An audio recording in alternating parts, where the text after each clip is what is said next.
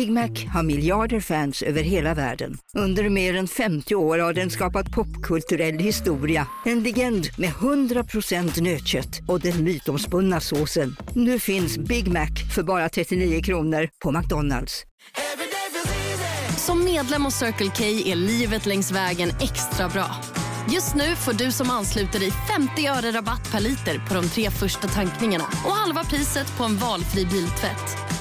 Och ju mer du tankar, desto bättre rabatter får du. Välkommen till Circle K.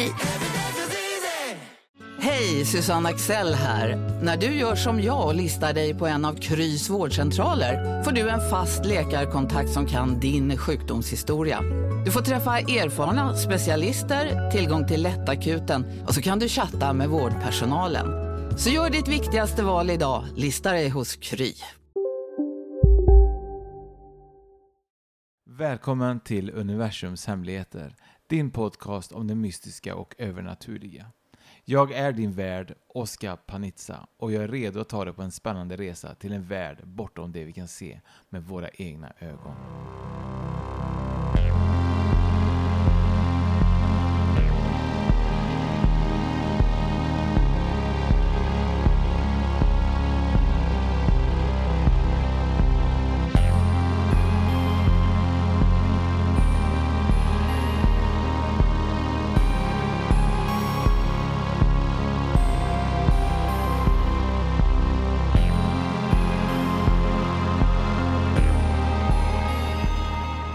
Välkomna tillbaka till ett nytt avsnitt av Universums hemligheter och idag ska vi prata om eh, det jag faktiskt började podda med när det var Universums hemligheter och det var The Missing 411 Cases.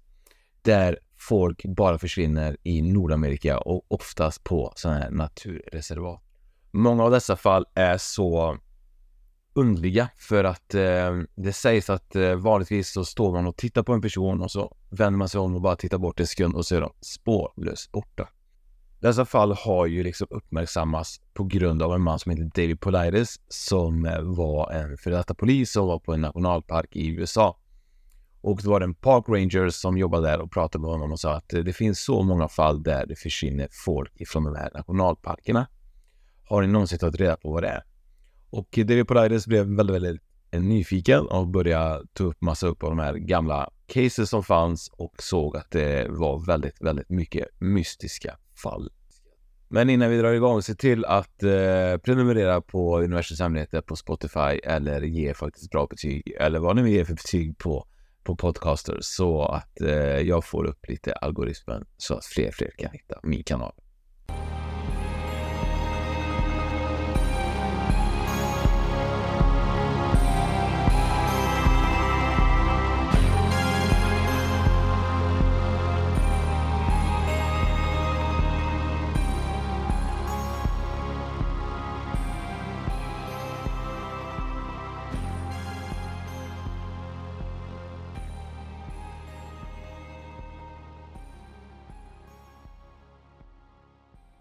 Första kommer vara om Robert Winters och eh, detta var en 1969 och då var Robert Winters 78 år gammal och var pensionär.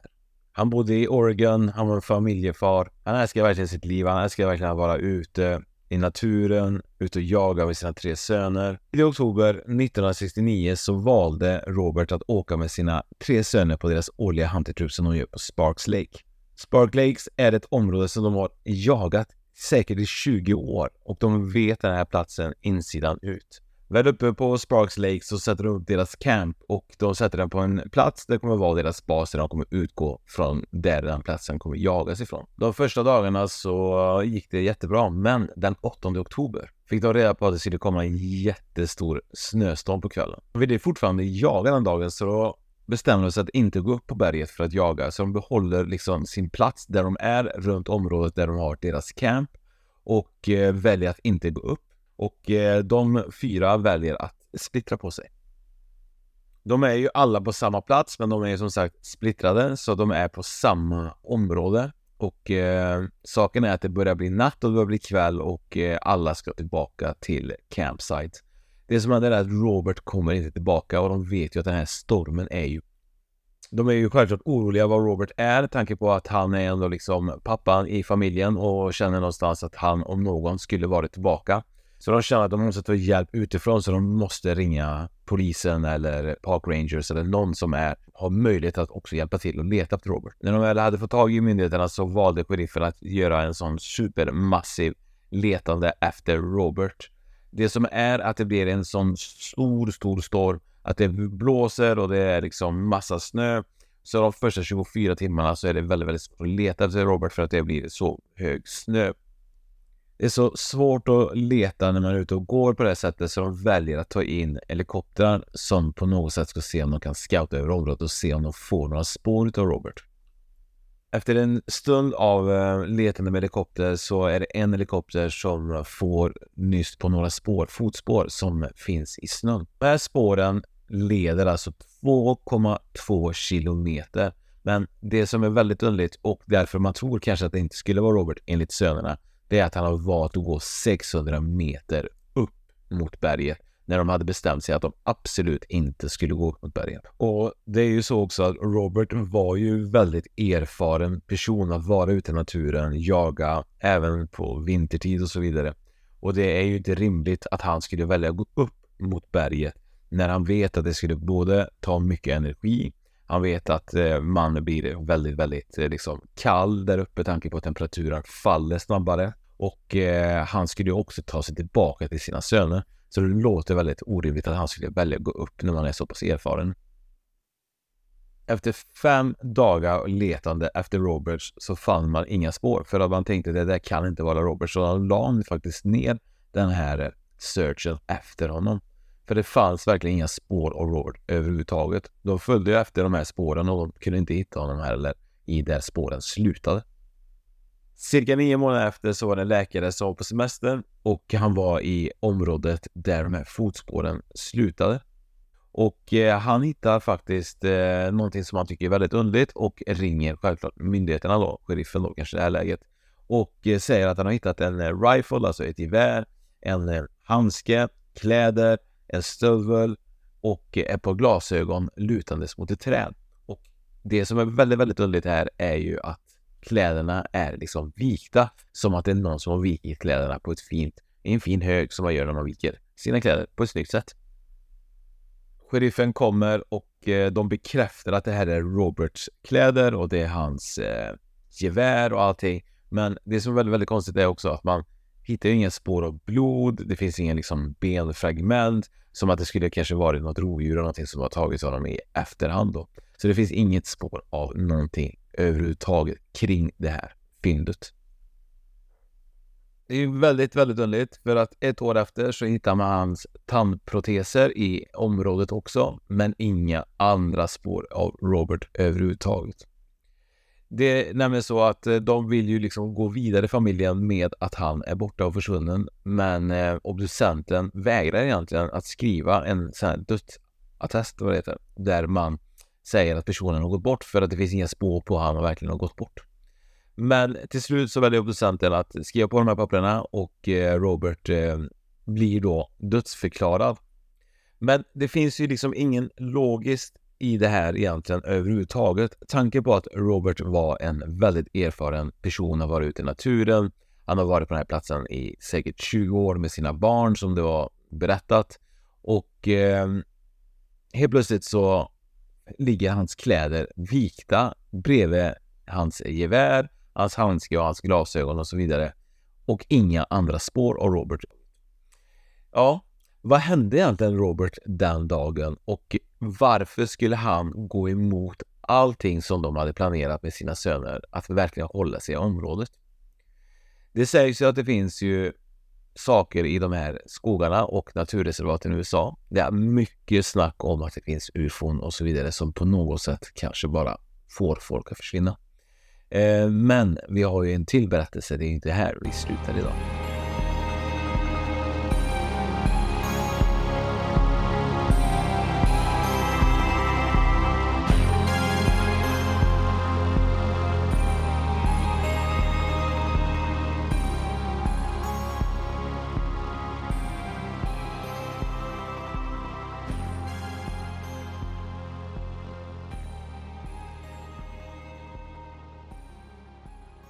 1953 så fanns det en pojke som var 11 år gammal som hette Jerry Maltman.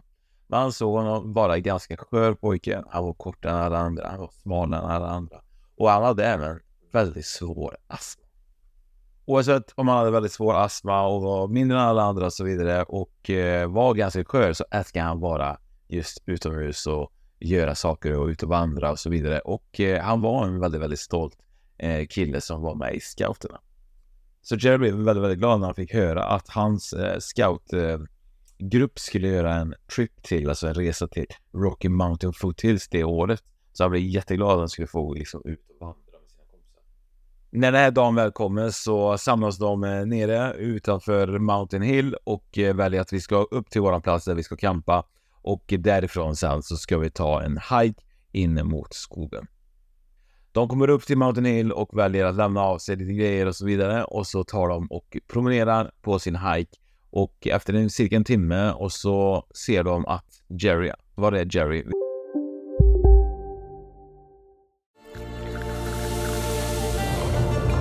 Välkommen till Maccafé på utvalda McDonalds restauranger med Baristakaffe till rimligt pris. Vad sägs om en latte eller cappuccino för bara 35 kronor? Alltid gjorda av våra utbildade baristor. Hej Sverige! Apoteket finns här för dig och alla du tycker om. Nu hittar du extra bra pris på massor av produkter hos oss. Allt för att du ska må bra. Välkommen till oss på Apoteket. Okej hörni, gänget! Vad är vårt motto? Nej, allt är inte alltid som du tror. Nu täcker vårt nät 99,3 procent av Sveriges befolkning baserat på röstteckning och folkbokföringsadress. Ta reda på mer på 3.se eller i din 3-butik. Vi ser inte Jerry. Han är borta. Och de vet inte hur länge sedan det var att han försvann från den här hajken. Själva är Troop Leader börjar ju leta. Efter ett par minuter så börjar de springa ner då för eh, när, eh, vad ska jag kalla, berget för att se var de kunde hitta Jerry. Men de hittade inte det så de fick ringa sheriffen. Och sheriffen åker självklart dit och eh, själva området och den här byn som var runt Mountain Hill börjar höra om att en pojke har försvunnit så att 1600 volontärer väljer att gå mot den här platsen och leta efter Jerry. Så det blir en jättemassiv insats att leta efter Jerry. Dessa 1600 personer, de finkammar verkligen området och efter ett par timmar så börjar man tänka typ så här. Det värsta, att det kanske är så att, ja, någonting har hänt Jerry. Tanke på att det är så många som letar i närområdet och även självklart runt omkring men inte hittar ett spår överhuvudtaget av Jerry. Och precis när de var på väg att liksom ge upp så hade de ju som tur hade de med sig en sån här bloodhound, en sån här blodshund som får upp lukten av personer och verkligen kan leta rätt på personerna. Och han får upp ett spår så att eh, den här hunden börjar liksom gå, gå, gå och då tänker de typ så här, alltså, han som har hunden tänker så här, ja men nu kommer vi hitta alltså, han så han ropar på alla andra. Det här hållet ska vi för att eh, den här hunden har fått upp scenten på den liksom, har fått upp doften på Jerry så att han kan inte vara långt borta. Vi kommer hitta honom. Och eh, hunden börjar gå, gå och gå. Tänker man typ så här att okej, okay, han kan inte vara så långt borta. Men hunden går alltså i sex timmar i en raksträcka i den här ruggiga miljön som var full med berg och skog och så vidare. Och sen har han gått i sex timmar alltså tills han kommer fram till ett träskområde och säger och stannar där och på något sätt pekar på att det här är platsen där Jerry var sist. Det här träsket var cirka 19,3 kilometer ifrån där Jerry och hans grupp upptäckte att han var borta. Folket som följde med efter den här hunden tänkte typ så här, det här känns ju riktigt omöjligt för att 19,3 kilometer och den här pojken var faktiskt ganska skör och hade väldigt grov astma. Att han skulle gå två mil åt det här hållet bara från ingenstans låter orimligt, men vi väljer att egentligen genomsöka det här träsket. Men det fanns inga spår överhuvudtaget av Jerry. Så de tänker att hunden måste gjort fel. Så de ger honom igen lukten och hunden väljer att stanna kvar på platsen och säger typ så här, mer eller mindre typ, det här är platsen där Jerry var i slutet. Alltså det här var sista platsen som finns lukt av Jerry. Man valde att ge upp sitt sökande den kvällen för att det började bli mörkt och man hade absolut inga spår av Jerry överhuvudtaget. Men nästa morgon så var det en pojke som hette David, alltså David, som var ute och red med sin häst klockan åtta på morgonen och tittade liksom ut, ut mot skogen när han eh, red sin häst. Och eh, den här är en plats ungefärligt cirka nästan 48 kilometer därifrån Jerry försvann. Och han ser att det står en, en kille, en pojke, en man. Eh, han ser inte riktigt, men han ser att det står någon och vinkar mellan träden. Och han blir ju självklart lite förundrad och undrar vem är det som står och vinkar till mig och frågar vem är det, vem är du? Och då svarar den här pojken då, Jerry. Det är, jag heter Jerry och jag är med scouterna. Och han säger då, pojken till, eh, till Jerry, vad, vad gör du här ute egentligen? Och då säger han att jag måste tillbaka till min grupp. Jag var med en grupp igår och eh, jag måste tillbaka till min grupp. Och han säger, men vad gör du här ute? Han bara, jag vet faktiskt inte. Jag somnar bara under ett träd. När det här search-teamet fick höra att de hade hittat Jerry och att han var välbehållen och att det var cirka 48 kilometer därifrån han försvann så tyckte de att det var jätte, jättekonstigt. Tanke på att de hade gått ganska långt själva. De hade liksom den här hunden som eh, fick upp centern på honom och, eh, och så tänkte de ju självklart att den här killen har ju astma. Hur har han gått 48 kilometer? Och jag tänker typ så här 48 kilometer. Hur lång tid tar det att gå? Så jag kommer faktiskt ta reda på det just nu. Vad säger min Google Maps att det tar att gå 48 kilometer? Nu har jag kollat och eh, det står att det tar cirka 13 timmar drygt alltså att gå 48 kilometer. Så hur går en pojke som på något sätt inte är kanske i toppskick att gå 48 kilometer, alltså i 13 timmar? Och det man tänker på då, det är ju liksom 48 kilometer fågelvägen då. Så om man tänker typ att han har promenerat detta så är det ju liksom betydligt mycket mer. Så att kanske han har gått 60 kilometer, för du vet, man går i en skog, man går liksom inte alltid rakt, man går lite vänster, man går lite höger och så vidare. Så att eh, han har ju gått betydligt mycket längre. Så polisen frågar honom, hur har du lyckats gå så här många kilometer i så många timmar? Och Jerry svarar, jag vet inte. Jag minns bara att jag somnade hela tiden under ett träd och jag kunde se eh, djur som tittade ut eh, ifrån träden som bara stod och tittade på mig. Men jag kunde inte se vad det var för djur. Jag kunde bara se att de bara stod och stirrade på mig. De stack ut huvudet och tittade på mig hela tiden. Och sen vaknade jag under ett annat träd och så vaknade jag och såg dessa djur bara titta på mig. Jag kände aldrig känslan, säger Jerry Monkman då, som han heter, som man kan absolut googla om, eh, att dessa djur på något sätt skulle skada mig. Men det är vad jag minns, det är alltså på något sätt att jag vaknar under dessa eh, träd och tittar omkring mig och ser att det är djur som sticker ut huvudet bakom träden och bara stirrar på.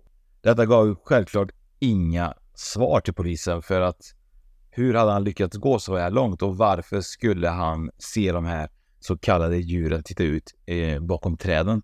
Och eh, vem på något sätt då har lyckats, om man tänker efter då, burit en 11-åring och genom skogen i så många timmar, liksom lyfte upp en 11-åring och så går han åt ena hållet då det här träsket var där när hunden fick upp doften av honom och sen helt plötsligt gå åt ett annat håll. Och så tänker man typ, hur har han lyckats och varför har han inga minnen? Kan det vara så att han har kanske blivit eh, upphämtat av ett rymdskepp och släppt på en annan plats? Eller finns det kanske skogsväsen på något sätt som vi inte vet om som har den här möjligheten att göra detta? finns så många 4-11 missing people cases där ute som jag kommer också lyfta fram här eh, framöver. Och eh, tycker man det här är roligt och lyssna på så kan man faktiskt eh, skriva i kommentarerna under avsnittet på Spotify att man tycker att det här avsnittet är roligt eller att man tycker att sånt här är spännande. Ehm, det här är ju såklart ett av universums hemligheter. Vad händer med dessa personer och vart tar de vägen och vad finns det där ute som vi inte vet om? Och jag brukar på något sätt alltid när jag spelar in sånt där få en flashback av saker som jag tyckte kanske var underliga under min tid som jag har varit med, kanske något likvärdigt eller i alla fall någonting som jag tycker var väldigt underligt. Och då tänker jag faktiskt på den gången vi var i Gräfsnäs hos min sambos mormor och morfar. Och våran dotter var ganska liten och min son var ju också liten då. Men jag kommer ihåg att vi satt och spelade, jag tror det var kubb eller någonting så här utanför eh, deras stuga och så har de en friggebo. Och eh, det är nämligen så att min dotter hon blir arg på mig för jag vet inte vad jag säger eller vad jag gör. Men hon blir jättearg på mig och hon bara går iväg. Och vi alla vuxna håller på och eh, fortsätter med kubben och så vidare. Men jag får en sån dålig magkänsla. Att vad, vad tog Lea vägen? Var försvann hon? Och jag ropar på Lea och eh, jag får inget svar så man börjar känna typ såhär shit vad fan, vart är hon? Jag går in i stugan, jag letar efter Lea, hittar inte någonstans. Jag går in i friggeboden och det är ju två våningssängar och jag tittar och jag vet att jag tittar väldigt, väldigt noga i de här eh, sängarna och jag ser att hon absolut inte är där. Och eh, då får jag panik och då börjar jag springa i skogen och jag finns typ ingenting bakom förutom en annan stuga som är lite högre upp på en liten kulle. Men jag springer och letar och ropar efter Lea och får inget svar och börjar få verkligen den här panikkänslan som man får som förälder. Man bara det är, det är du? Och man känner den här paniken i rösten och börjar känna paniken. Vad fan har hänt? Och man märker att det finns liksom höggräs och att man kanske har ramlat och man har fått i huvudet eller det, man får liksom så här värsta scenariot. Jag vet att eh, även innan jag springer iväg så vet jag även att min svärmor springer in liksom i, i stugan och hon letar även i friggeboden och så vidare och ingenting är där. Jag, jag springer tillbaka och börjar höra typ att, eh, att de har hittat henne. Och eh, det konstiga av allting är att hon då ligger och sover i friggeboden i sängen längst ner till höger med öppna dörren. Det är en liten friggebod. Och eh, hon har legat där hela tiden och hon minns inte egentligen att, eh, att hon har verkligen bara gått och, och, bara gått och sovit. Men hon var verkligen spårlöst borta och då började jag tänka typ så här. Hur fan kunde jag missa att hon var där? Hur kunde min svärmor missa att hon var där? Och allt det här är så spännande ibland att man undrar liksom, är det jag som på något sätt tittar dåligt eller finns det någonting ibland som gör att vi inte ser personen? Kan hon hamna kanske i en parallell dimension och att man på något sätt då inte kanske upptäcker personen just då, där och då. Tack för att ni har lyssnat och glöm inte att det finns många av universums hemligheter som vi inte vet om. Så tack och eh, vi hörs nästa gång.